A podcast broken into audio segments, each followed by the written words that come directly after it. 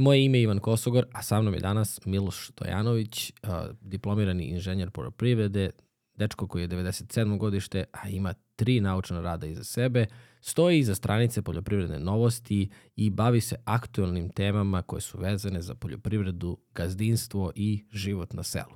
U današnjem podcastu pričali smo o mnogo, mnogo, mnogo bitnih stvari. Pričali smo o razlici između života na selu, života u gradu, kako se proizvodi hrana na selu, šta se dešava kada u tu hranu stavimo pesticide i najrazličitije otrove koji su danas odobreni i možete ih pronaći u gotovo svim proizvodima koji se nalaze na rafovima u marketima. Kako smo uopšte došli do toga i šta se dešava sa nama u budućnosti ukoliko nastavimo da živimo na ovaj način. Takođe smo pričali i o genetski modifikovanoj hrani, šta to zaista predstavlja, da li možemo da prepoznamo koja je to hrana na našim rafovima i zašto ne. Odmah ću vam reći da je veoma, veoma zabrinjavajuća situacija. Takođe smo pričali i o nestašici mleka koja je nekoliko meseci bila veoma aktualna uh, na našim prostorima, kao i na koji način mladi ljudi, ali i svi oni koji trenutno žive u gradu, a možda žele da se presele na selu, mogu to da učine. Ovo je jedan onako veoma zanimljiv razgovor koji će vas, nadam se, inspirisati da se okrenete nekim, nekim pravim vrednostima i preispitate svoj život. Hajde da to tako kažemo. Pre nego što krenemo, želim da se zahvalim našim sponsorima. U pitanju je Kregatin. Ukoliko želite više snage, brži oporavak nakon treninga, bolje treninge, više pamćenja i bolji fokus, onda je Kregatin nešto što želite sigurno da proverite. Uz 10% popusta, uz kod Kosogor 10% popusta dobijate prilikom korišćenja linka koji se nalazi u opisu. Drugi sponzori su Pasta Marco Polo, moja lično omiljena testinina bez veštačkih aditiva i dodataka koja je ručno pravljena, svake nedelje neki novi ukus i neki novi oblici. Uz kod Kosogor dobijete 10% popusta prilikom svake kupovine. Dakle, ove popuste možete dobiti svaki put uz linkove koji se nalaze u opisu. Uživajte u podcastu koji sledi.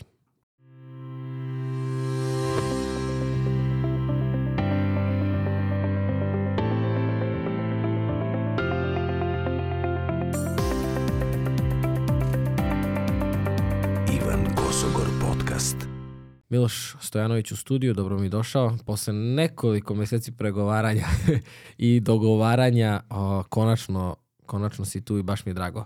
Pričamo o nečemu što do sada nismo pričali. Ja nisam ni toliko upoznat sa temom, ali želim da budem. Mislim da je jako važno da znamo, pogotovo što se mi ovde u Srbiji barem ljudi koje ja znam, dičimo selima i pričamo koliko su sela važna i voleli bi da se svi vratimo u sele. Nekako se taj trend možda sada i, i menja, Međutim, koliko toga znamo zapravo o selu, o proizvodnji hrane, evo samo da te uvedem u celu priču, moja supruga ima san da jednog dana imamo kravu.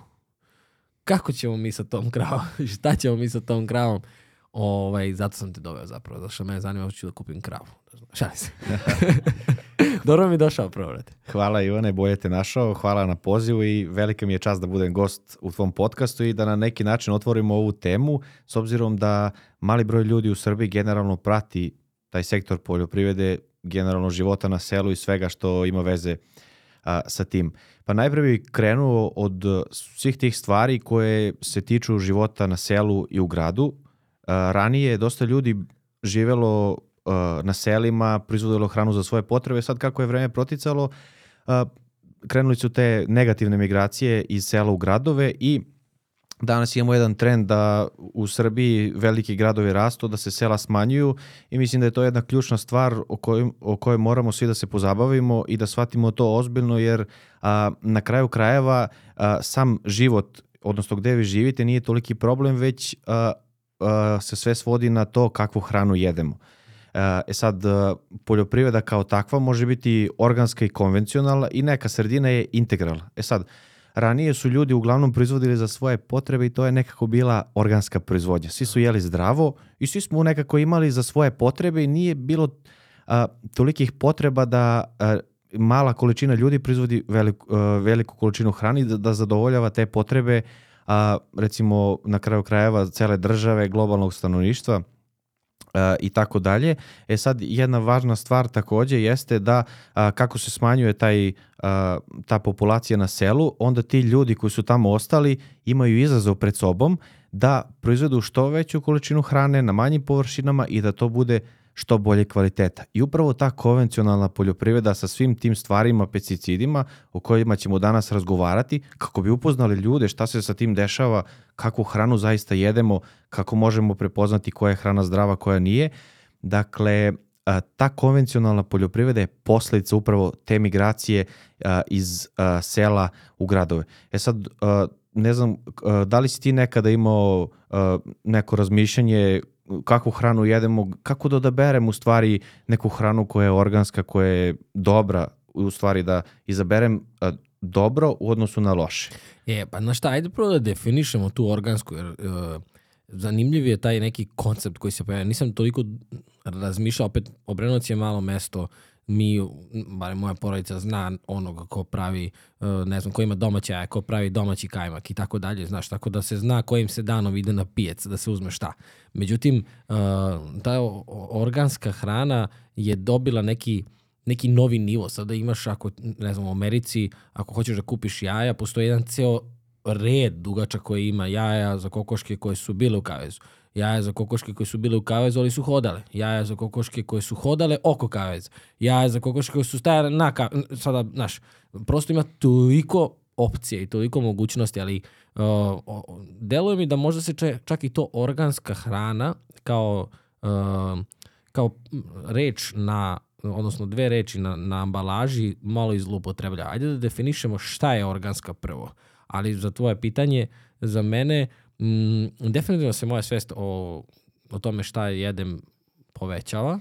Znaš, sada više vodim računa i da li ima nekih boja, e, šta se tu, koliko šećera, koliko, uh, ne sad to koliko kalorija, kao što možda viš, to me nešto ne, ne zanima, uh, ali kako će to uticati na moje zdravlje, na šta ja to ubacujem u, svoje, u, svoj, u svoj stomak i svoje telo. Tako da, definitivno nešto o čemu uh, treba mnogo više voditi računa. Mislim da smo sa, kada uđeš u market, onako izbombardovani svim tim uh, lepim, onako na prvi pogled, znaš, upakovanim otrovima zapravo. Ajde, šta je, šta je organska? Šta bi bila prava definicija organske? Pa svakako, pogotovo što se u Srbiji dosta potencira na tome o zdravoj hrani, pravilnoj ishrani, kako da se hranimo i tako dalje. Ovo je u stvari što ćemo danas pričati upravo jedan korak ispred toga, odnosno da ljudi shvate kako se ta hrana proizvodi u našoj državi, ali u svetu i da uporedimo neke situacije da vidimo koje su osnovne razlike između te organske i hrane proizvedene po tom konvencionalnom principu, pa i na kraju krajeva kad si pomenuo Ameriku koja je dosta poznata po GMO hrani, da vidimo šta je to tačno i šta to podrazumeva na neki način. E sad, organska proizvodnja po svojoj definiciji mora da bude uh, onako uopšteno rečeno proizvodnja hrane u skladu sa prirodnim principima. Dakle, vi morate da imate neku parcelu koja je udaljena daleko od grada, a morate da prođete neki period konverzije koji je tri godine da bi se to zemljište očistilo i sa druge strane primjena pesticida, đubriva i tako dalje, svih tih inputa koji se inače koriste u proizvodnji je isključena. Dakle, ta hrana mora biti potpuno čista, potpuno zdrava za upotrebu, E, ali ono što je važno da napomenemo jeste da ta hrana svakako mora da ima oznaku a, da je a, organska kada se nalazi u rafu a, a, u rafu u marketu. E sad, a, takođe jedna važna stvar jeste da napravimo paralelu sa tom konvencionalnom proizvodnjom i ono što postoji između, a to je integralna proizvodnja. To znači da kako da bi zadovoljili velike potrebe hrane što kod nas, što u svetu, Eto, videli smo jednu situaciju da skoro pre nekoliko meseci nismo imali mleka na rafovima, a mi kao država imamo velike potencijale. I sad, šta je tu problem? Jeste da a, a nekako pod raznim uticajima ta proizvodnja ne može baš da zadovolji te potrebe za hranom. I još jedna važna stvar koju moramo da napomenemo, sad će se vjerojatno ljudi pitati, pa čekaj, ajde, ali kako da mi proširimo da jedemo što više organske hrane, da se zdravije hranimo. Da li možemo da povećamo tu organsku, a da smanjimo sa druge strane? Ta organska poljoprivreda, odnosno ta proizvodnja hrane je na neki način ograničena. Šta to u suštini znači? Vi ne možete da stavite a, organski zasad povrća ili voća do autoputa. Dakle, s, a, ta proizvodnja je većinom a, uslovljena tim agroekološkim uslovima, samom lokacijom a, i tako dalje. E sad, da li mi znamo da razlikujemo iz iz tvog ugla recimo potrošača, rekao si da na pijaci možeš da nađeš a, kajmak, jaja, ali recimo šta ti misliš a, ako na pijaci ta hrana nema a, organsku nalepnicu, što je najčešći slučaj, za razliku onu a, one iz marketa, kako ti recimo možeš da definišeš da kupiš nešto organsko ili, ili zdravo po znacima navoda? Pa to ti se vraća na ono najosnovnije pravilo života, to je bitno koga znaš. Tako Znaš, je. tako da ovaj, uh, to su neke, neke sad proverene priče ti kad kupuješ kod nekoga 7-8 godina, 10, on, vi postanete i prijatelji i znaš kod koje bake ideš da kupiš kajmaka, kod koje bake ideš da kupiš jajca. Znaš, tako da ovaj, u, u to ne sumnjam, ali definitivno da uh, da sam i sam razmišljao o tim, recimo kad odeš na pijac pa vidiš, ne znam sad, paradajz, a n- nije mu vreme, znaš, kapiraš da, da nije organski paradajz, da to nije prirodno, znaš. Tako je, a šta, šta misliš recimo, a, evo ovako, kad uporedimo organsku hranu i tu konvenciju, recimo na pijaci imaš a, brdo voća i povrća, da li si razmišljao nekad a, koje može voće da bude ili povrće, nešto onako po tvom mišljenju, koje voće može da bude najviše tretirano pesticidima, gde možemo da imamo ostataka? Šta ti onako a, deluje odbojno? Mm. Pa, pazi, jagode, to je ono što znam. Jagode, ono, kad, kad vidiš jagodu ko pesnica, nije, nije vreme, znaš da nije dobra. Možda jabuke, znaš, mislim da smo u našem onom uh, film, o seriji Vruć vetar, tu se pravila ona fora kad donese deda jabuke, kaže ne prskane. Da. Znaš, kao koliko su bitne zapravo se jabuke toliko prskaju kod nas, možda i u svetu, ne znam, ti ćeš Tako je, tako u svetu, recimo, o, bravo pogodio si, jagoda je na prvom mestu, voće koje se, u kojima se mogu naći ostaci pesticida, ali sad ću objasniti zbog čega je to tako. A, jabuka takođe, jer jabuka se tretira a, više od 20 puta u, jedne, u jednoj sezoni. Dakle, u konceptu konvencionalne proizvodnje. Ali kod jagode imamo veće ostatke pesticida zato što kod jagode period sam od cvetanja do berbe je jako kratak. Dakle, 40 dana i prosto a, to vreme ne može da prođe kako bi pesticidi izašli iz a, voća. E sad, kod jabuke je to malo drugačije, jer jabuka se čuva u hladnjačama, pa onda vi imate slučaj da jedete a, jabuku u martu ili aprilu mesecu, ako je stigla prošlog leta i ona se čuva a, u hladnjačama, tako da postoji tu dakle neki izuzeci gde možemo da kažemo slobodno da neko voće a, bez razloga ima tu a, dakle takvu negativnu reputaciju, a da neko potpuno sa druge strane za koje se ne nadamo može da bude. Tako da a, u većini slučajeva važno je da odaberemo proverene ljude, dakle sa sela i možda je jedan a, dakle a, pozitivan slučaj, odnosno neka dobra praksa koju bi trebalo ljuda premenu jeste da kupuju direktno od malih proizvođača hrani. Na taj način a, mi pomažemo a, ljudima koji žive na selu, pomažemo im da se ta njihova proizvodnja održi i da oni tu jednostavno a, egzistencijalno opstanu. E sad slušao sam pre a, dva dana podcast sa Vladimirom Đukanovićem koji je izašao i meni je bilo a, zanimljivo gde on rekao, gde ste pričali o, o kako ljudi odlaze iz sela u gradove, da je tu komfor, a, imate restorane, sve prilike za posao i tako dalje, ali jedna negativna stvar jeste što nekada ne možete da birate šta ćete, a, šta ćete da jedete u nekom smislu, da možete da selektujete, jer se i ta neka organska hrana smatra kao a, hrana bogatih ljudi. I najveći konzumenti te organske hrane upravo su a, recimo tržište Evrope i Amerike. Baš sam juče pričao sa jednim dečkom koji se živi na selu, ima organsku, a, organske zasade voća i on izvozi, recimo što je zanimljiva stvar što mi možemo da iskoristimo te naše potencijale, on recimo izvozi pire od voća, a, koji su kvaliteta, odnosno kao baby povrće. Dakle, baby kvaliteta koja je namenjena samo ishrani beba. Dakle, on kaže da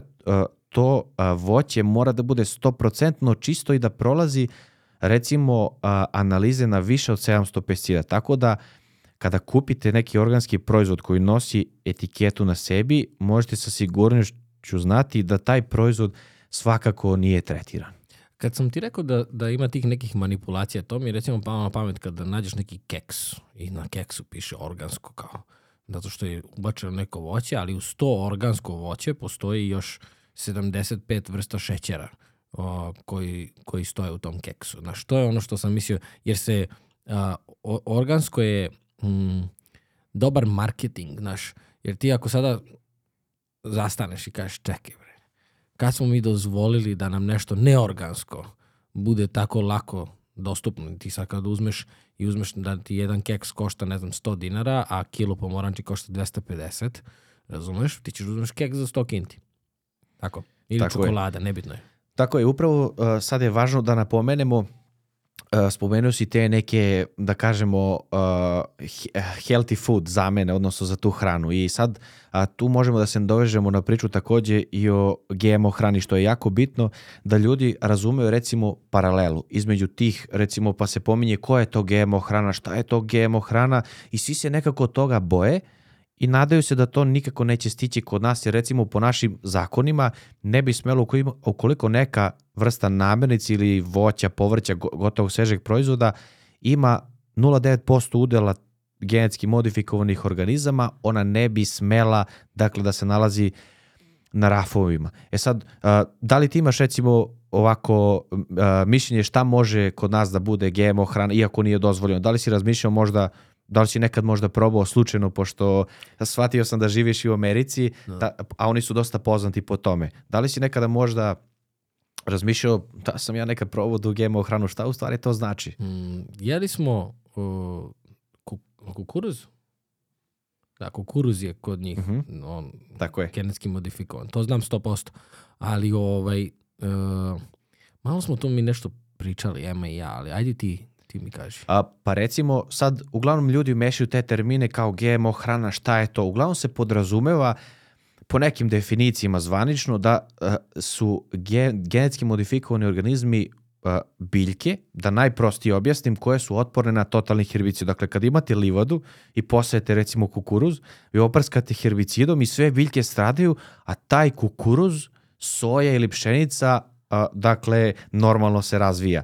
I sad, a, jedna važna stvar a, jeste da su te genetski modifikovane biljke nutritivno siromašnije od recimo organskih a, ili ovako proizvedenih nekom konvencionalnom metodom i da na taj način mi kao tu bazu te žitarice koju imamo od toga sve dalje kreće. Dakle, šta to znači? Mi ne možemo kod nas da proizvedemo taj kukuruz i to, ali recimo ako ste pili skoro Coca-Cola, sad neko možda razmišlja, a čekaj, kako je Coca-Cola genetski modifikovana hrana? Pa na taj način što se taj a, a, f- fruktozni s- a, šećer, skrob, već šta se koristi, u toj potiče, odnosno proizvedanje od genetski modifikovanih organizma. Ili ako ste pili skoro kapućino neki sa mlekom, može da se desi dakle da ta hrana je proizvedena, odnosno to mleko a, je došlo od krava koje su jele genetski modifikovanu hranu. A, e sad, a, jedna važna stvar koju bi isto napomenuo jeste kada vi pogledate, pričali smo o organskoj hrani, vi imate etiketu gde piše organsku proizvedenu u Srbiji. E sad, po ovom principu, hrana koja dolazi tako proizvedena u sekundarnom ili tercijalnom, ne, tercijalnoj proizvodnji, mi ne možemo da znamo da li ta hrana proizvedena od neke genetski modifikovane baze, da tako kažemo. I sad vi, a, jedna, jedan glavni nedostatak toga jeste što vi ne možete da odaberete, odnosno ne možete to da prepoznate, jer ti proizvodi koji su genetski modifikovani nisu označeni kao takvi. E sad, to je jako važno. Druga stvar jeste što bih napomenuo, je, a, a to je da a, taj problem genetski modifikovane hrane, pored zdravstvenih problema, kasnije ću se dotaći sa time jer sam se dosta konsultovao, jer ja se negde proučavam to u smislu proizvodnje, ali sam se konsultovao i sa farmaceutima i ljudima koji se bave zdravljem ljudi, kako oni utiču a na zdravlje i da li ima nekih a, prednosti i nedostataka ljudi koji konzumiraju tu genetski modifikovanu hranu, pošto znamo da se tu odvijaju dakle genetske modifikacije. A, e sad, pre nego što dođem do te teme, mislim da je važno da prokomentarišemo jer a, nekako a, dotakao bi si te teme pošto sam, ja živim na selu, dakle ono što pričam to i predstavljam i mi, a, mi takođe sa svojom porodicom obrađujemo, imamo oko 15 hektara zemlje I a, mislim da je taj problem genetski modifikovane hrane takođe ekonomski problem za, za sve nas. U kom smislu da recimo kada se uvoze ti proizvodi ili a, stočna hrana i tako dalje, koja na kraju krajeva od toga mora da se proizvede neka hrana koju ćete vi sutra odabrati u marketu da kupite. To je ekonomski prirode jer ta genetski modifikovana hrana proizvodnja je jako jeftinija od a, ove naše proizvodnje, da kažemo, u skladu sa prirodom ili pa čak i konvencionalne. I sad vi imate taj ekonomski problem da se ta hrana uvozi i da mi ne možemo, recimo kao poljoprivrednici, ja pričam iz svog ugla i ljude dakle, sa kojima komuniciram, da mi ne možemo u suštini Uh, mi ne možemo u suštini na neki način da budemo konkurentni sa njima i tako mi sa ostalim konkurentima iz Evrope i sveta ne možemo da se takmičimo na tom globalnom tržištu i to je jedan od osnovnih problema. Pa, na šta, ne, ne treba sad tu biti naivan pa reći kao, a zašto, kao, logično je da treba da jedemo samo organsko i da upravo ovo što si sada ti rekao, ekonomija je nešto što, što gazi. I globalizacija se i pokazala, slušao si i, i razgovor s, uh, moj i Vladin. Tako i u nekoliko navrata smo sad u poslednjih uh, par nedelja imali razgovore o globalizaciji, ove, kao fenomenu koji ono udari u zid i polako se vraća tamo odakle je došao, ali mm, šta misliš da poljoprivrednici, evo, poput tebe i, i tvoje porodice, šta misliš da, da bi vama bilo rešenje u ovoj situaciji? Pa najpre, u suštini, pored toga da se, uh, pored te edukacije o, o svim tim stvarima, je, mislim da ljudi na selu trebaju da se fokusiraju na kvalitet, a ne na kvantitet. Dakle, a to znači u praksi da vi morate da imate a, neku paletu domaćih proizvoda, da to lepo brendirate, da predstavite i mislim da recimo od kako je došla globalna pandemija, a, poljoprivrednici su sve više aktivni na društvenim mrežama, što nije bio slučaj. I sada možda neko, eto ti si rekao da znaš nekoga na pijaci, ali u, u tom periodu pandemije kad nije bilo izlazaka, dosta poljoprivrednika je dostavljalo hranu u smislu da neko naruči jaja, mleko, meso, sir i tako dalje. Mislim da trebamo da se fokusiramo u tom pravcu, da nekako brendiramo svoje proizvode. Eto, ja sam iz Leskovca, pa imamo mi taj ajvar koji je a, opšte poznat, koji je a, brand.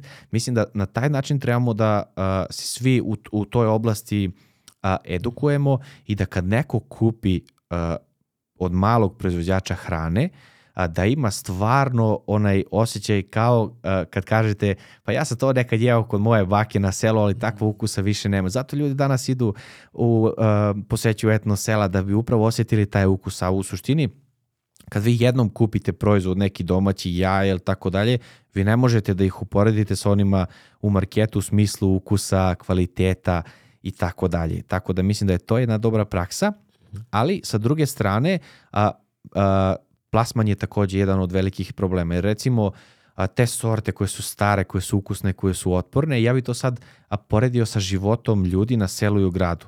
Vi imate sigurno veći procenat ljudi koji imaju neke zdravstvene probleme u gradovima, jer žive očigledno u neprirodnim uslovima. Dakle, vi kad stavite ljude u zgradu i nemaju dodir sa prirodom, logično je da će biti imati neke zdravstvene, ne mora da znači, ali može da se desi.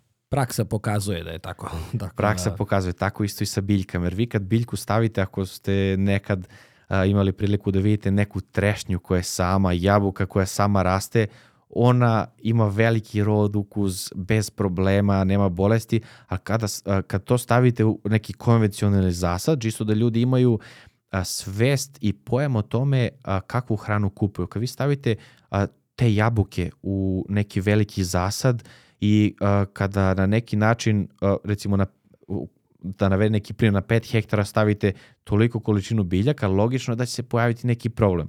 E sad, pesticidi su takođe, uh, recimo, posledica toga. Dakle, to sve jedno drugo povlači, ali mislim da je dobra stvar, evo jedna zanimljiva informacija za sve ljude, jeste pošto ja pratim brojni svetska dešavanja u Evropi sa hranom, šta se dešava, recimo dobra je stvar da će se do 2030. godine smanjiti 50 posto pesticida koje su upotrebljava i da se polako globalna proizvodnja hrane okreće u tom smeru da ljudi, a poljoprivrednici na prvom mestu koriste ta neka biološka rešenja. Recimo, pošto sam ja takođe a, i agronom, a, recimo navešću vam jedan primer koji može bude posebno zanimljiv kada ljudi razmisle recimo u, grad, u, u gradovima, pošto a, verujem da će to biti zanimljivo, a, recimo kada vi imate leti mnogo komaraca ili imate mnogo skakavaca ili ovoš i onda se ljudi pitaju ma da li je moguće da ima ovoliko insekata, šta se to dešava? Ali to je u stvari da su ljudi svojim ponašanjem narušili taj a, ritam koji je priroda sama uspostavila. Jer vi a, kada imate lanac ishrane kao kod životinja, tako imate kod insekata. I da smo mi recimo taj prirodni ciklus insekata sami svojim neodgovornim ponašanjem, upravo tom takvom proizvodnjom hrane, prekomernom upotrebom pesticida, narušili i da neki insekt koji nema svog prethodnika, a, sada malo zalazim u, u biologiju, nema svog prethodnika, on se prenamnožava i to između ostalog, rekao sam, stvara određene probleme ljudima u proizvodnji hrane, ali to se odražava i na ljude uh, u gradovima, uh, baš kao u ovom primjeru koji sam pomenuo. Hmm. Ajde da odemo još, još jedan korak nazad. Ti me sada ispravi ovo samo neko moje razmišljanje. A, u jednom trenutku si rekao da se sada zbog globalizacije, povećanog broja stanovništva i tako dalje, povećala i naša potreba za hranom. Da li je naša potreba za toliko raznovrsnom hranom zaista prava ili je napumpana? U smislu da uh, ti ako živiš na selu i proizvodiš, ne znam, imaš ne znam, svoje kokoške, imaš svoju baštu gde gajiš krastavac, paradajz i tako dalje, možda gajiš i neko, neko svinče, neku kozu, ovcu, ne, nevažno je, ti ćeš jesti upravo te proteine, uzimat ćeš ta vlakna, e, znaš ono što si ti proizveo, proizveo po znacima navoda. I mm, nećeš ti tako lako otići i kupiti neku grickaricu, neki čips ili tako nešto, zato što, znaš kao, tvoj obrok će biti kvalitetan, zdrav, tvoje telo neće vapiti za, za nekim dodatnim šećerima i nekim veštačkim, veštačkim stvarima koje te zadovoljavaju na nekoliko nivoa, fizički, emotivno i tako dalje. Da li misliš da smo ve, kao veštački stvorili potrebu za veštačkom hranom i šta misliš da bi se dogodilo u svetu, naravno, neće se dogoditi, samo kažem. Šta misliš da bi se dogodilo kada, kada bismo se opet vratili tim nekim osnovnim principima ishrane, kada nećemo imati toliko šest faza u toku dana kada jedemo najrazličitije gluposti? Pa baš tako, recimo, ako uzmemo primjer kako su živjeli naši preci, jer svako i ko živi u gradu i ko živi na selu pamti iz detinstva baki deke koji su mu pričali, e ne znam, jeli smo samo kukuruzni hleb, pili smo samo mleko, a kada dođe zima mi imamo svoje vino i kad razmislimo o tome, ljudi su ranije pre recimo 50 godina da navedemo primjer, mnogo manje stvari kupovali iz marketa i da je nekako sve bilo jednostavnije, a opet s neki način, na neki način ta gojaznost i problemi koji ljudi su bili manji.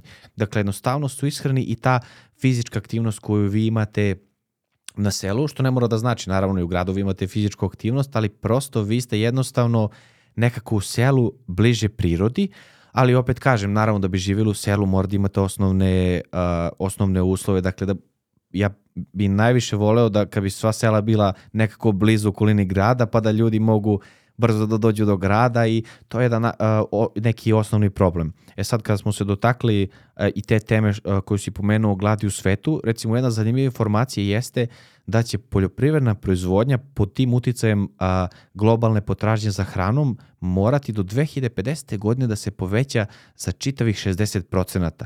I da su recimo, i to je jedan jako zanimljiv podatak, da su površine koje su potrebne da bi se to ostvarilo negde oko 600 miliona hektara, to je kao površina dve države Indije u tom smislu.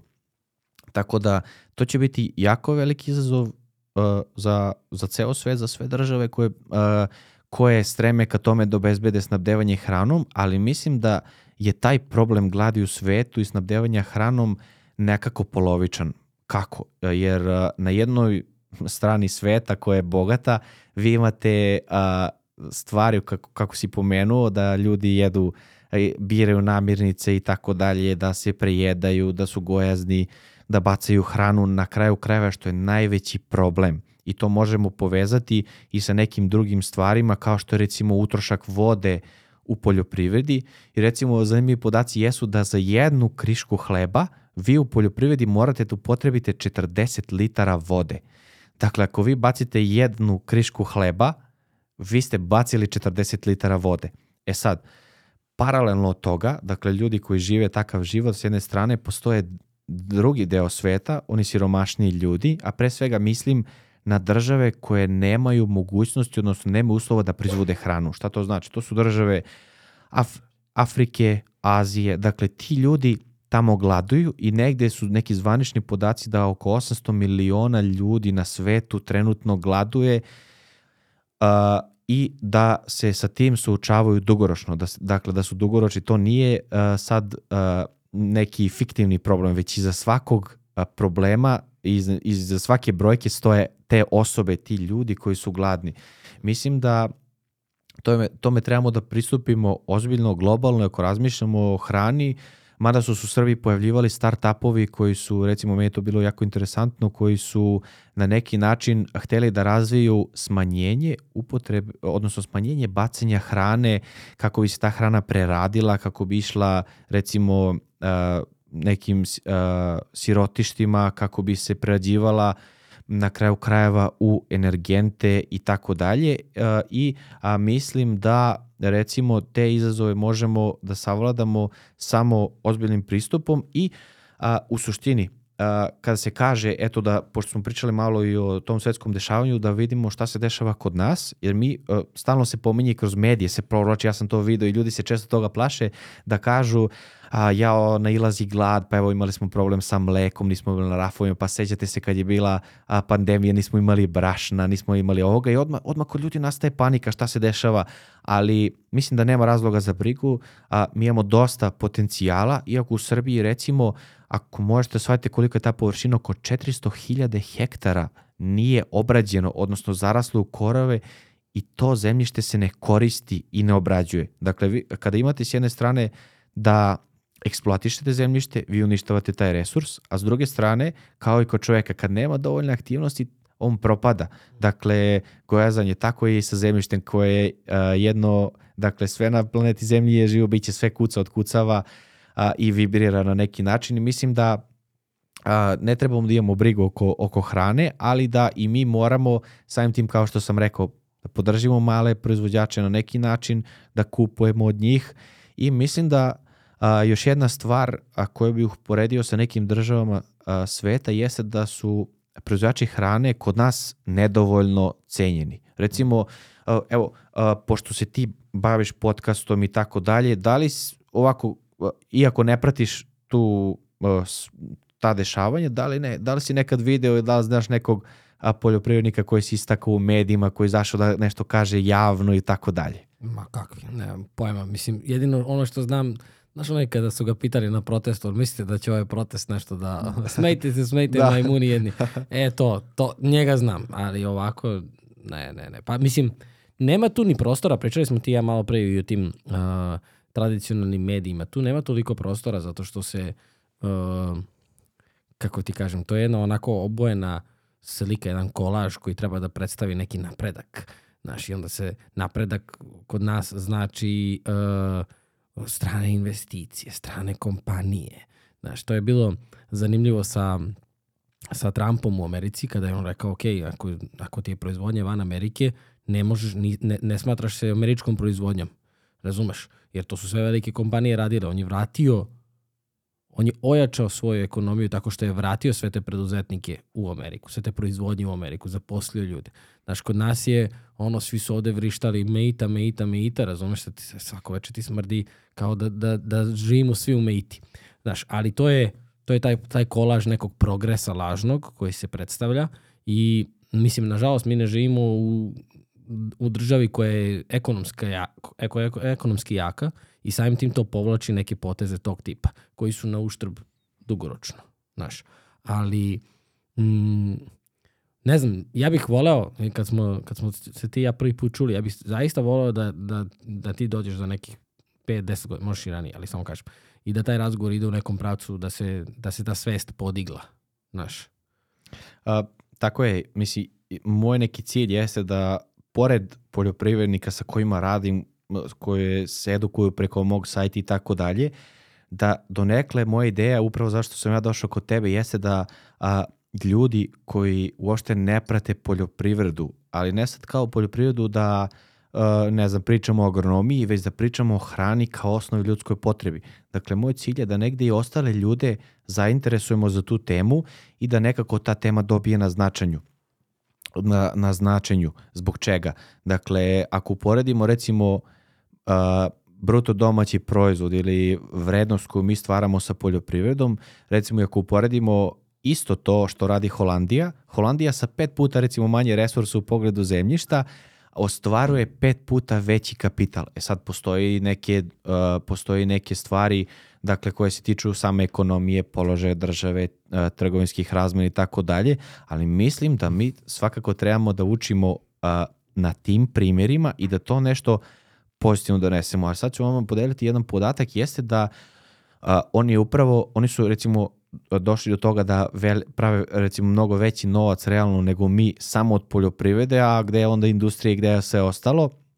I da recimo tak, takođe postoji ta neka u Evropi, tako se naziva zelena agenda i da ljudi a, žele da, odnosno politika tih država jeste da smanje a, životinje, odnosno krave, sve te Stočarstvo? farme, da, Mhm. zbog navodnog proizvo, zbog navodne proizvodnje uh, ugljen dioksida, odnosno i tog na kraju krajeva metana koji se stvara i uh, dakle za koji oni veruju da utiče negativno na životnu sredinu. E sad ako uporedimo uh, automobile, industriju, tešku industriju, sam taj uh, ta količina gasova koja se ispušta iz tih uh, uh, industrija mnogo je manja od proizvođača hrane, ali eto vidite sad u kom smeru se oni kreću. Sad ima i toga da oni žele možda da izmeste svoju proizvodnju negde drugde zato što imaju para, ali upravo mislim da je tu a, naša šansa da mi preuzmemo inicijativu pošto imamo velike, velike potencijale i da a, recimo preuzmemo to evropsko tržište u smislu da možemo bolje da izvozimo i da stvaramo novu vrednost a, iz toga. Isto bi se dotakao recimo a, još jednom oko tog, a, a vezano za ovu temu, jeste oko tog mleka. Videli ste verovatno svi, a, da li si imao priliku da vidiš na rafovima to poljsko mleko? Nisam, pa mi smo došli pre dve nedelje, ali sam čuo. Mhm. Znaš, ovaj, čuo sam da je, da je bila velika nestašica i ne znam, zanimljivo je da ja, ja sam odavno prestao da pijem mleko, u smislu kao ne, ne iz neke navike, nego, ne iz uh, nekog ono, sada kao problema, laktoze i Mhm. ostalo, intolerantnosti ili šta god, nego jednostavno to prestalo da mi bude neki, neki deo svakodnevnice, znaš. Ne znam da sam popio tri čaše mleka poslednjih par godina. Tako je, ali hteli mi to da priznamo ili ne, većinski deo stanovništva to doživljava kao osnovnu namirnicu i prosto naša tradicija i sad vi ne možete da dozvolite da imate, dakle da vam fale neke osnovne životne namirnice, recimo nesumnjivo je da će da će recimo hleb nedostajati, a No, hleb mi jako nedostaje. tako je, tako je, eto. eto, ali recimo uh, kad vidimo u tom smeru da nešto nedostaje, lj- ljude hvata panika i na taj način uh, vi uh, ne stvarate dovoljne zalihe uh, hrane, a ljud, ljudima u gradovima je potrebno. Vi na selu recimo možete kako god da je, da je situacija, vi možete da proizvedete hranu za sebe i da na neki način pod znacima navoda preživite. E sad, uh, upravo zbog tih ljudi koji žive u gradovima, mislim da je to a, snabdevanje hranom a, u kontinuitetu ovaj, jako, jako važno. A što je nestalo, što se pojavila nestašica mleka? Naprimjer, mo, moji kumovi koji žive u selu blizu Obrenovca imaju uh, farmu sa kravama i kad recimo uporediš mleko iz flaše i mlekce koje, koje pijemo tamo kada je sveže, kad smo bili klinci, to su ono kao dva različita ukusa mleka, znaš. Što je, uh, što se pojavila nestašica kad ja lično znam da postoje ljudi koji proizvode mleko kod nas? Pa nestašice se smanjile iz razloga zato što su poljoprivrednici pod tim uticajem a, nisplativosti te proizvodnje. A, dakle, to jeste težak rad i a, dakle, niko nije a, ugasio tu proizvodnju zbog samog posla, već zbog a, a, rentabilnosti te proizvodnje. Dakle, godinama unazad imali smo negativne tendencije smanjenja tih farmi, odnosno gde su ljudi rasprodavali, što iz tih a, ekonomskih opravdanih razloga i a, u tom slučaju kad je bilo nestalo mleko, naše mlekare su pod tim nedostatkom fokusirale svoje sirovine na izvoz, a e, pored toga paralelno sa te strane su recimo iz Poljske uvozili. E sad Poljska je svojom ozbiljnim pristupom, svojom politikom obezbedila da može da od e, države koja nije imala neku proizvodnju koja je značaj, značajna pomena, dakle snabdeva gotovo celu Evropu.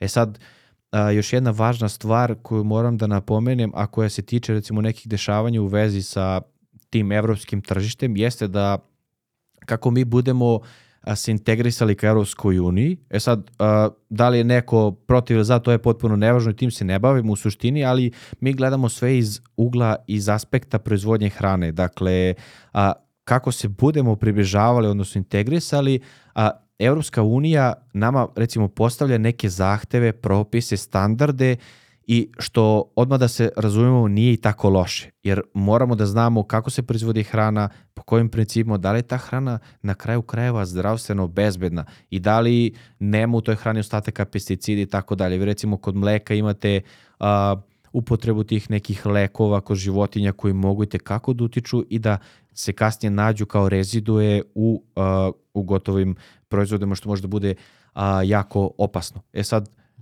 tako re, a, takođe možemo da kažemo u vezi toga jeste da sa, samo recimo kod mleka a, jeste to slučaj, ali i kod voća, povrća jer a, a, s, evropsko tržište nama postavlja određene uslove i kako bi izvozili, kako bi stvarali upravo ovu vrednost koju sam, o kojoj sam pričao, da, da izvozimo tu hranu i da pored naših potreba zadovoljavamo i evropske, mi moramo da tom ozbiljno pristupimo i da te standarde poštujemo. Pa to je upravo m, ono glavni problem sa kojim se kao ja ono bičujem u svojoj glavi i rvem, a to je da ne bičujem, rvem. A to je da ti si recimo pre 10 ili 20 godina, mislim da je pomoranđa bila u pitanju, uh, pomoranđa kao posmatramo kao jedan, jedan kroz jedan. Danas je pomoranđa jedan kroz šest, što znači da ti treba šest pomoranđi da bi dobio istu nutritivnu vrednost kao pre, pre, pre 20 godina. Znaš, i tu je tu, je sad, tu se sad postavio pitanje, sad si ti rekao i za, i za, uh, za mleko, znam da pošto da bi krave davale mleka moraš da im daješ određene lekove da bi one konstantno bile plodne. Ja sad pričam laički, međutim to ostaje u, u tom mleku i ti danas možeš da imaš neki hormonski disbalans, samo zato se i pojavilo odjednom ta, ko je bio intolerantan na mleko kad si, kad si ti imao 5 godina. Nisi Niko. ni znao da to postoji. Razumeš? Isto, ista stvar je u, u Americi, oni imaju 45 alergija u, u svakom restoranu kad uđeš, oni moraju te pitaju sve to. Zašto? Zato što su toliko iz, izmenili strukturu Razumeš, kao mi smo prvi put svi čuli za gluten kad Đoković nije, nije mogao da podnese gluten. Pre toga, znaš, niko nije razmišljao o tome. Mislim, kad kažem niko, 1%, 2%, lupam, znaš. Sad odjednom toliko te hrana menja kao, kao osobu, tvoju strukturu, tvoje emocije, tvoje ponašanje, sve, sve, sve, sve utiče na to. Znaš, i sad se postavlja pitanje, ono što moja baka, ona kad se rodila, pa su njoj davali mleko kad imala godinu dana, da li ti sad možeš daš detetu mleko iz rafa kada ti dete ima godinu dana? Tako je. Evo, Upitno je. Kad si pomenuo već uh, uh, pomoranče, uh, recimo kod nas ljudi gledaju uh, ovo domaće voće i za to često znamo, sa tim se susrećemo, znamo nekoga ko proizvodi, ali recimo uh, da li si nekad razmišljao uh, pošto eto recimo banana, pomoranđa, ananas uglavnom spada u zdravu hranu, u, u fitnessu se dosta koristi, mislim generalno u tom konceptu zdrave hrane, ali recimo da li ljudi, šta misliš, da li ljudi uh, imaju svest o tome da razmišljaju, pa čekaj, uh, mislim da uglavnom tako misle da, e pa čekaj, ta banana i nije, nije prskana. E, pa mi imamo pomorađe u dvorištu u Americi, tako da ja jedem te. Ali ovaj, za banane nisam razmišljao da li su prskane ili nisu. Pa eto, recimo kako se ovo voće proizvodi, tako i banane. Ali uglavnom te banane stižu iz nekih udaljenih krajeva, iz nekih tropskih krajeva i one su uglavnom a, beru pa koju zelene, kako bi mogli da izdrže taj transport. E sad, po nekoj definiciji, a, plodovi i lišće na biljkama luče hormon sazrevanja koji se zove eten, odnosno etilen. I one luče taj hormon i sad vi imate situaciju, to može svako da isproba, ako stavite a, zelene banane pored zrelih, ove zrele će prirodnim putem lučiti taj hormon koji će uticati na sazrevanje. E sad, u zavisnosti... Čak i ako su ubrane? Uh, da. Wow. Da, ako su ubrane, takođe i, i lišće može. E sad, postoje nekoliko grupa u odnosu na, na to kolike količine tog uh, biljnog fitohormona uh, uh, plodovi luče, u zavisnosti od toga potpuno sazrevanje od zelenog može biti od 12 sati do nekoliko dana.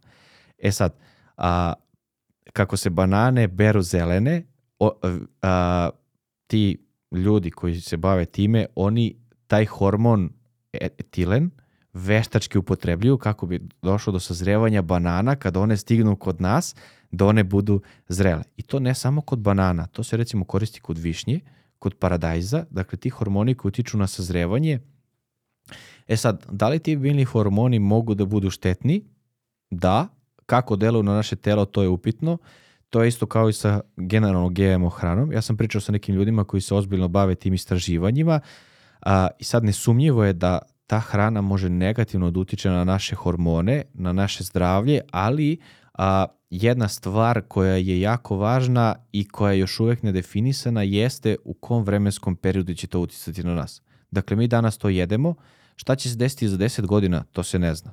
Dakle, a, ta istraživanja u ljudskom organizmu pod uticajem te hrane koja je genetski modifikovana, koja je tretirana tim biljnim hormonima, ali evo ne znam da li si znao, takođe hrana se tretira i a, antibioticima.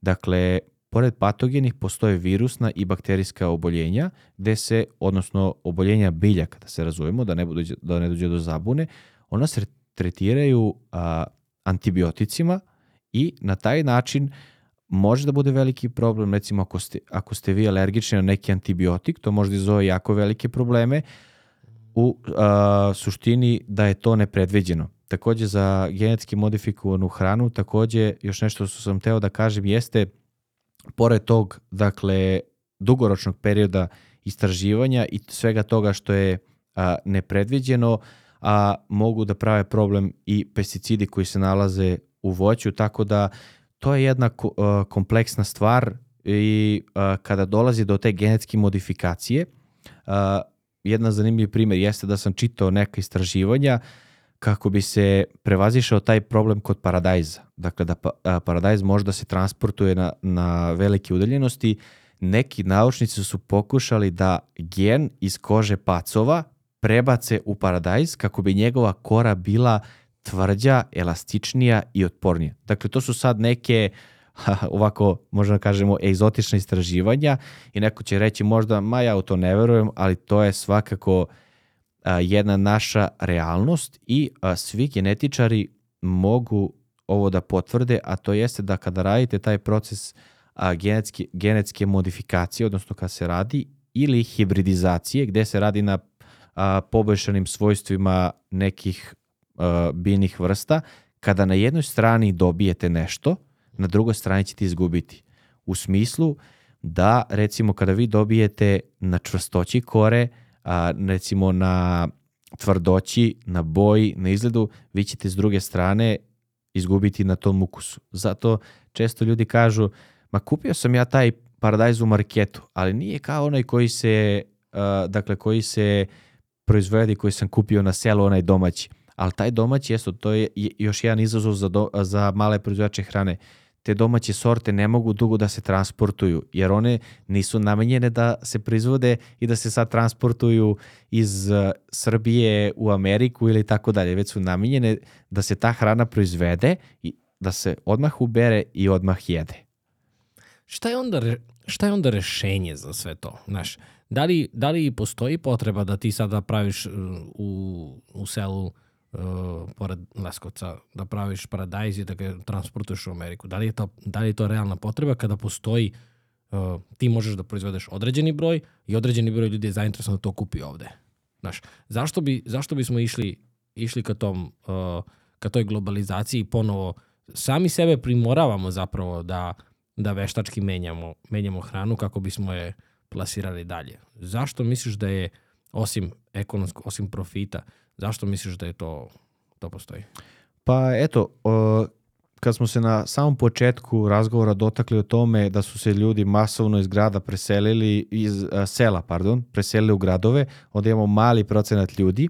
E sad, na osnovu agroekoloških uslova, o čemu sam takođe pričao, sad vi recimo na jugu Srbije u Leskovcu možete proizvedete lepo, odnosno da na pravi način proizvedete taj paradajz i tu papriku. E sad tu je došlo do ekspanzije te proizvodnje gde recimo jedno gazdinstvo ima 100 tona, ima 150 tona, ima 200 tona i kako će on realno da naša proizvodnja u nekim slučajima kada prevazilazi a, zahteve i potrebe našeg tržišta, onda mora da se izvese. I tako pod uticajem tih a, tržišnih cirkulacija samo tržište je nametnulo da se takve stvari rade. Dakle, jednostavno a, s, a, svet a, kao skup svih država postaje jedno globalno tržište gde svi moraju da budu konkurentni, da imaju visoke prinose, da imaju dobar kvalitet. Zato se, kad sam rekao, kad sam pitao koje misliš da je rešenje, upravo jeste u kvalitetu, mada generalno s, a, sva dešavanja koja trenutno a, idu u korist tom kvantitetu dok se kvalitet zaposlio. Dakle, nekako je sada savremenom potrošaču važnije da kad vidi na stolu taj paradajz, tu hranu, to izgleda vizuelno lepo u odnosu na to da kad a, nešto proba da ima taj osjećaj, znači da a, probudi u sebi neku emociju sa tom hranom, a ne samo da konzumira mehanički. Sad kad si rekao gazdinstvo, kako to lepo zvuči. Ko je bre gazda u gradu? Niko. Ali vidi ti gazdinstvo. Imanje. Ej, imaš nešto. Imanje. Ludilo. A, pa to je ovo sa hranom, kad si sada rekao da izgleda lepo. Znaš, mi i kada, kada pričaš o treningu i izgledu svog tela, ti se na prvu loptu fokusiraš na to da li ćeš da imaš uh, trbušnjake, kako će da ti izgleda biceps, znaš, a ne šta je unutra, ili kada su dijete u pitanju, znaš, hoću da smršam 15 kg, 15 kg čega, znaš, to je taj površinski odnos koji imamo sa samim sobom, normalno da se ogleda, kao to nije nije nelogično što gledaš da paradajz bude crven, a sad što ima ukus kao da je može biti i krastavac i paprika, ali ne znaš ako bi zatvorio oči šta je, to je sad već, znaš, ono kao, nije važno, znaš. Mislim, hmm, možda je i ta, sad samo razmišljam naglas, možda je i ta dostupnost u smislu da, zašto bi ti naručio u restoranu uh, šarenu salatu ili ne znam, uh, baštu salatu uh, kada nije vreme paradajza i, na primjer, ne znam, paprike.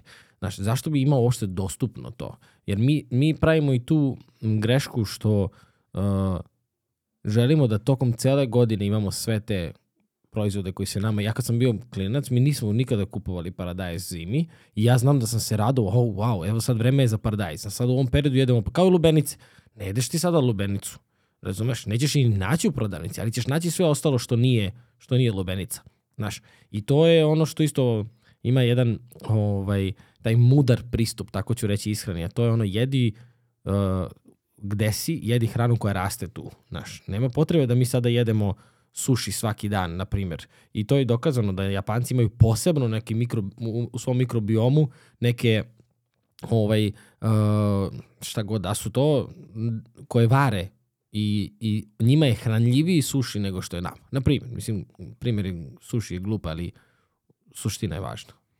Tako je, recimo, kao što je da se nadovežem na, na tu priču, kao što si rekao, na selu imaš gazdinstvo, tako se zove, imaš veliko dvorište, komfor u smislu da imaš... To priliku... je komfor, da. to je komfor.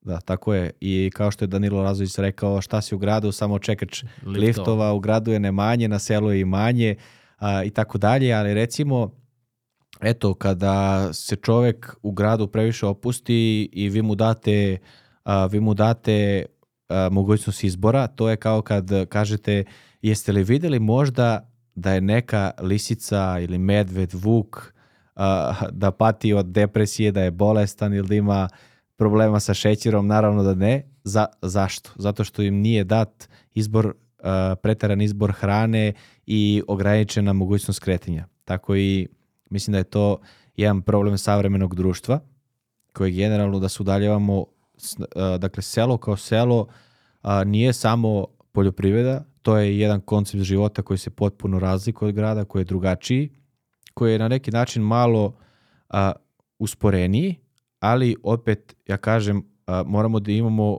a, u vidu da ljudima na selu takođe treba da se da mogućnost za edukaciju, za obrazovanje, za napredovanje, za socijalni život, da budu blizu grada, Uh, eto, ja živim recimo 8 km od grada i sad ne, zašto bi se ja preselio u grad kada sam blizu do grada, opet imam uh, recimo svoju slobodu na selu, gde takođe obrazovan se, završio sam fakultet, uh, recimo imam iza sebe tri naučno istraživačka rada, dakle radio sam dosta na tome, eto vršim uh, edukacijom taj sajt, tako da uh, jednostavno mislim da svako treba da ima mogućnost i za razliku od toga što živi, a, što živi u selu.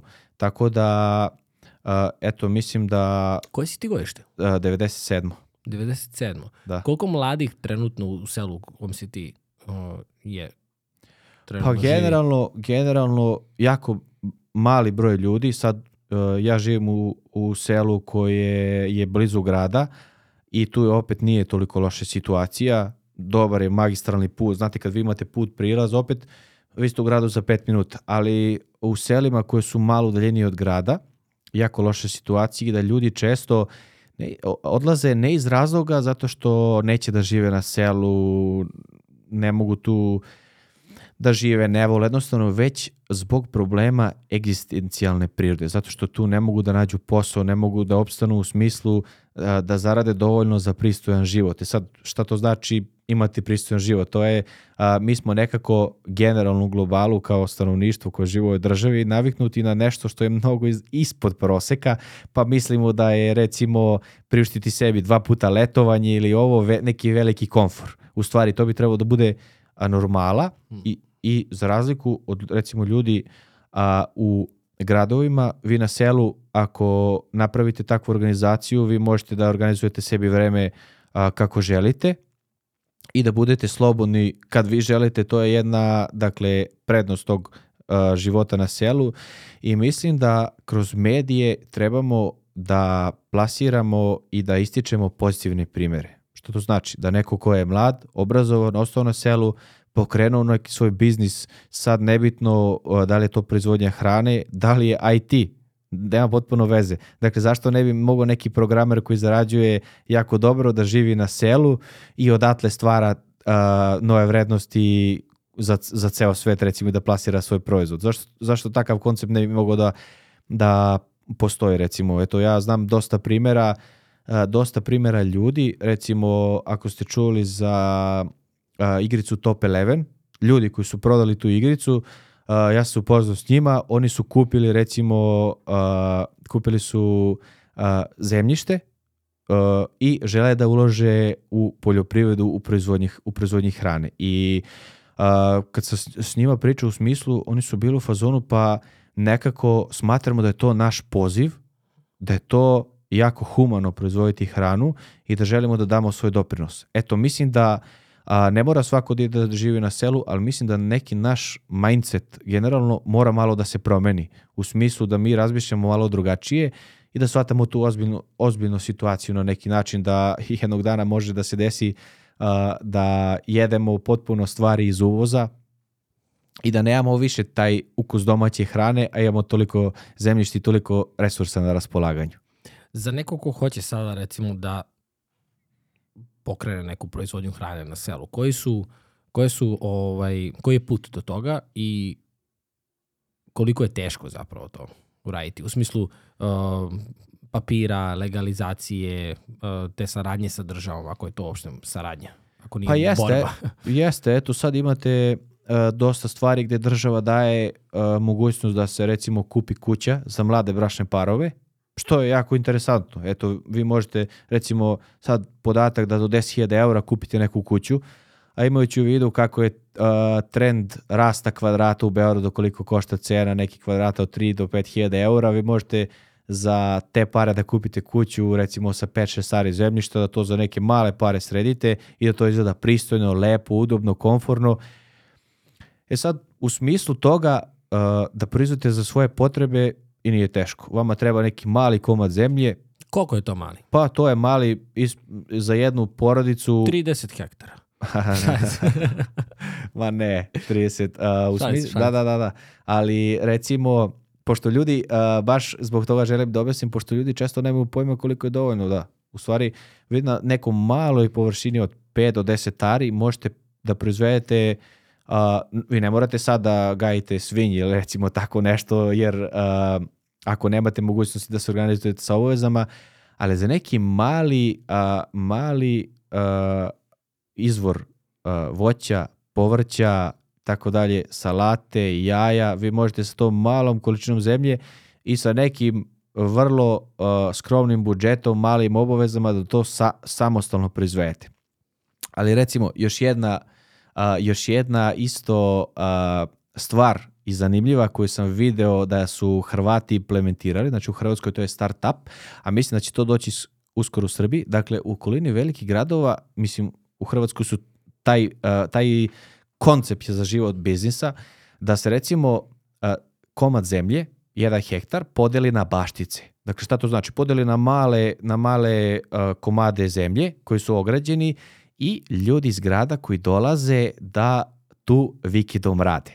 Dakle, dovedu svoju decu da kopaju, da probaju. Dakle, nije to rad, ali vi imate u smislu da iznajmite svoju bašticu, recimo za neki iznos i da za tu mesečnu pretplatu vi niste u obavezi naravno svaki vikend dijete, ali kada niste tamo da neko ima ko će za vas to održavati. I da onda sa decom uh, odlazite. Ja sam pričao sa tim ljudima koji su mi rekli pa mi imamo neku direktorku koja zarađuje, ne znam, 30 miliona godišnje, koja je na nekoj visokoj poziciji, a dođe vikendom da kopa uh, uh, po zemlji. I ona kaže kao, to mene potpuno relaksira i mislim da je to taj uh, nedostatak nedostatak kontakta sa prirodom a, koji ljudi imaju. A isto se sjećam jedna zanimljiva anegdota kad pričao sa jednim čovekom koji se bavi financijama, dakle koji nema nikakvog dodira sa tim apsolutno. I, a, i on mi kaže da a, šta je njega navelo da se on, a, da se on a, na- dođe a, na selo, odnosno da kupi kuću i neki malo parče zemlje. Kaže, kad sam prolazio sa ženom pokraj puta, video sam o, traktor i mene deca pitaju tata, šta radi ova mašina? Kakve tragove ostavlja u zemljištu? I ja sam onda rekao, to je to, ja moram decu da sa tim da upoznam. Kaže, žena se ljuti na mene zato što su malo u blatu, ali kao ništa nije to strašno upoznaću ih. To je kao kada kažemo sad uh, današnje deca u gradovima idu na tri kurseva, pet sportova, ali nijedno ne ume da se popne na drvo. da, da, bukvalno. Bukvalno. bukvalno. A, hoću da se vratim samo na sekund da ako neki mladi bračni par ili a, par sa decom odluči da ode na selo, rekao si može, mogu da se pronađu vrlo jeftine a, kuće sa, sa parčetom zemlje, koliko je zahtevno obrađivati svoju baštu, koliko je a, potrebno za to vremena u toku dana, da li je moguće raditi to bez nekih a, ljudi koji treba da ti pomognu, a, sve to objasni mi u par nekih reči kako to funkcioniše. pa nije to što uh, zahtevno i teško. Vi možete A ti si završio fakultet pa ti nije, ali da, ali u smislu a, nije zahtevno u pogledu znanja, ani u pogledu fizičke aktivnosti. Eto, vi možete recimo, ne morate vi da živite na selu, možete imati neki plastenik tamo i da odete sa porodicom vikendom, recimo svaki drugi, treći dan, da obradite to malo da vidite a, kako to funkcioniše i u smislu da se kroz to fizički aktivirate i da a, jednostavno a, na neki način ostvarite taj kontakt sa prirodom, sa zemljom, da vidite kako to funkcioniše. Mislim da je to jako, a, jako pozitivna stvar i mislim da ljudi koji to rade, mislim da imaju generalno, čitao su neke istraživanja, manji, manje probleme sa depresijom, sa anksioznošću, sam taj dodir sa prirodom, kad vi proizvodite nešto pa gledate kako od semena raste, dakle to je kao jedan novi život koji se rađa, dakle to je jedna cela filozofija u smislu kako se biljke razvijaju, kako rastu, kako se plodovi razvijaju, pa onda kad vi sad a, možete, a, ne znam, da ako imate novac, odete, kupite i najbolji proizvod, najbolju šljivu, jabuku, kako god, ali to nikada ne može da zameni one osjećaje kad vi nešto sami proizvedete, to uberete, protrljate malo, onako čisto i pojedete. Dakle, to je onaj osjećaj koji jednostavno, možemo slobodno da kažemo, ne može da se kupi novcem. I mislim da a, civilizacija generalno a, sve se više otuđuje od tih nekih jednostavnih životnih principa koji smo davno zaboravili, a koji su nam a, dakle na dohvat ruke. I to jako n- a, jako dostupno i ništa komplikovano. Možemo samo kažemo da mi sami sebi komplikujemo život kako u pogledu svih poslovnih aktivnosti, tako i u pogledu hrane i svega što dolazi uz to. Pa ja mislim da se nekako i taj trend malo menja. Znaš, o, u inostranstvu ti je, mislim ja sad pričam ovako za Ameriku, niko, niko se ne loži da živi u, u centru nekog grada, ono, u, kao sad kad bi živio u Knez Mihajlovoj ili Dorćol, šta god nekom je bio centar Beograda, neću da uvredim, mislim da, da se Beograd deli, ima sedam centara. Ali ovaj, uh, ljudi uglavnom žive u okolini gradova. Znaš, da imaju neki pogled, da nije, da nije gužva, da nije galama i to su najskuplje kuće. To su, to su megalomanske cene. Međutim, kod nas je, evo sad Beograd koliko je porastao i cena kvadrata i svega što ima i inflacije i ekonomskog značaja i tako dalje i tako dalje, odnosno uticaja. Međutim, uh, ja mislim da se osjeća ta, taj izgubljeni kontakt sa prirodom, odnosno izgubljeni kontakt sa sobom, znaš. Ovaj, tako da se stvarno nadam da će to uskoro, barem sa ljudima sa kojima ja pričam, svi nekako beže sada. Znaš, i ti ti kažeš bežiš sa sela, kao da te grad juri, odnosno ti bežiš od toga što znaš da nije prirodno, da nisi ti tamo ti, znaš. Tako da su jako zanimljivi termini koje koristimo kada pričamo o, o a reči su jako značajne. Znaš, jako mi možda njih ne primetimo, ali, znaš, bežim iz grada. Da. Wow. Znaš, tako da to se menja. Šta, šta te ljudi uglavnom pitaju na, na tvojoj stranici? Pa sad uglavnom uh, na mojoj stranici mi se bavimo nekim, da kažemo, uh, usko vezanim problemima za proizvodnju hrane. Dakle, ono što je vezano za poljoprivrednike, ali ja se trudim da to se vedi i po ostalom interesovanju, da i ljude koji su iz grada na neki način zainteresujem za tu temu. Dakle, ako ljudi dosta iz grada to prate i vide kako ljudi žive na selu i moj cilj je negde da motivišem ljude, ne moraju oni da žive na, uh, na selu, ali upravo ovom što sam pričao jeste da mogu da nađu neko svoje parče zemlje, da se vrate tom jednostavnom konceptu i načinu života, da imaju svest o tome kakvu hranu jedu, da se o tome informišu i a, da recimo ono što je nedostatak jeste da su tu, ti ljudi koji a, proizvode hranu nemaju dovoljno poštovanje od a, svih nas. Mhm.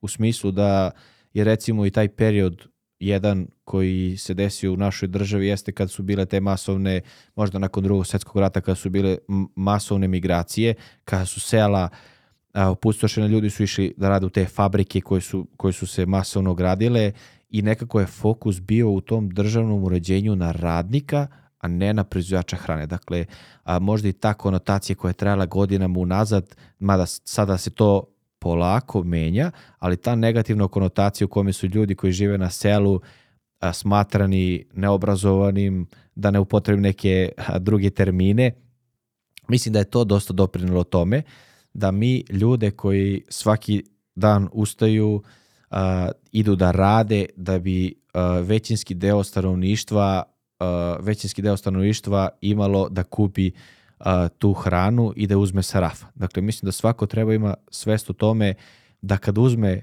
to mleko sa police, tu jabuku, da je neko teškim radom doprinao da se taj proizvod nađe tu. Mislim da u tom smeru trebamo da se, da se menjamo i da imamo taj neki uh, drugačiji pristup. Ovo može biti dobar kraj zapravo sa, sa ovom porukom. Uh, imam za tebe samo još jedno pitanje. Rekao si da vi imate, da vi proizvodite nešto, imate neki svoj brend, tvoja porodica, tvoje gazdinstvo? Pa, mi u suštini obrađujemo 15 hektara zemlje, imamo veliku farmu junati. Na našem gazdinstvu mi proizvedemo godišnje otprilike oko, sad ću vam kažem, to je, mislim, u pitanju juneće meso, to je negde oko 6-7 tona, mislim, mesa generalno, kada vi to proizvodite. Uh, i sada od skora, eto, pokušali, sam, pokušali smo da vidimo kako će ići prodaja sa tim domaćim jajima. Mi negde sada na ovom nivou imamo oko 18.000 jaja, generalno kad se to preračuna sve na godišnjem nivou. I da smo pokušali da malo nekim drugačijim pristupom da a, ljudima u gradu to krenemo da isporučujemo, odnosno i a, kad ljudi jedan probaju, ja sam ranije dok nismo imali to, jeo sam uh, ovako, kupim u marketu, ali to je, ne, uh, mislim, neverovatno koliko se vidi razlika. Pa u boji je razlika, kamoli u ukusu. Tako je, tako u samoj ljusci, u samom ukusu i kad, pogotovo uh, kada se spremaju neki proizvod, ne znam, kolač ili tako dalje, uh, to će znati i, i ljudi koji se time bave da nije, uh, pogotovo da nije isto. Kaži mi 18.000 jaja, pomozi mi koliko je to kokošaka čoveče? Pa to nije puno kad se preračuna, to je nekih uh, 100, mislim 100 komada, ali uglavnom uh, ne znam, to, uh, to su uh, one šetuju po dvorištu, jer mi imamo veliko dvorište kući i a, dakle to je jedan potpuno prirodni koncept a, proizvodnje. Dakle vi imate a, su slobodne, ne u kavezima, kao što se napomenuo ti da u Americi imate veliki, a, veliki izbor i sad a, često ljudi a, zovu i pitaju da vide kako je to i kada jednom probaju uvek se vraćaju. Mislim da je to jedna, jedna pozitivna praksa i dakle pored svega toga a, mislim da ja svojim primjerom na neki način a, motivišem a, ljude da po, i pored toga što živite na selu možete da budete i obrazovani i da se razvijete, edukujete i da vas ništa ne sprečava u tome.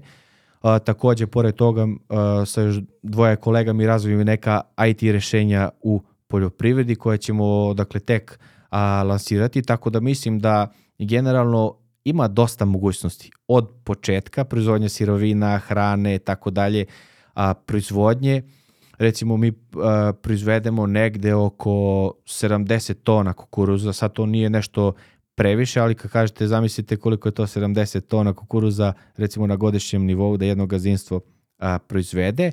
I a, recimo da ima dosta mogućnosti upravo što sam rekao od proizvodnje sirovina, a prodaje, brendiranja, eto ja sam se obrazovao u, u toj oblasti pa i razvijamo neke a, stvari koje će doprineti, koji će biti a, neki stub razvoja u budućnosti, dakle da podignemo i sam taj nivo celokupne organizacije.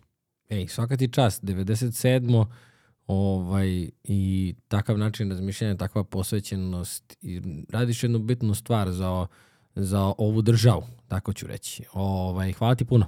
Nadam se da ćeš a, istrajati u ovome, nadam se da će se naši razgovori u budućnosti menjati i okretati kad tome neko... Ja, ja, ja ću reći da sam optimističan, ne mnogo, ali samo optimističan, ali ako ima barem još pet ljudi kao što si ti, mislim da smo na dobrom putu. Hvala ti puno.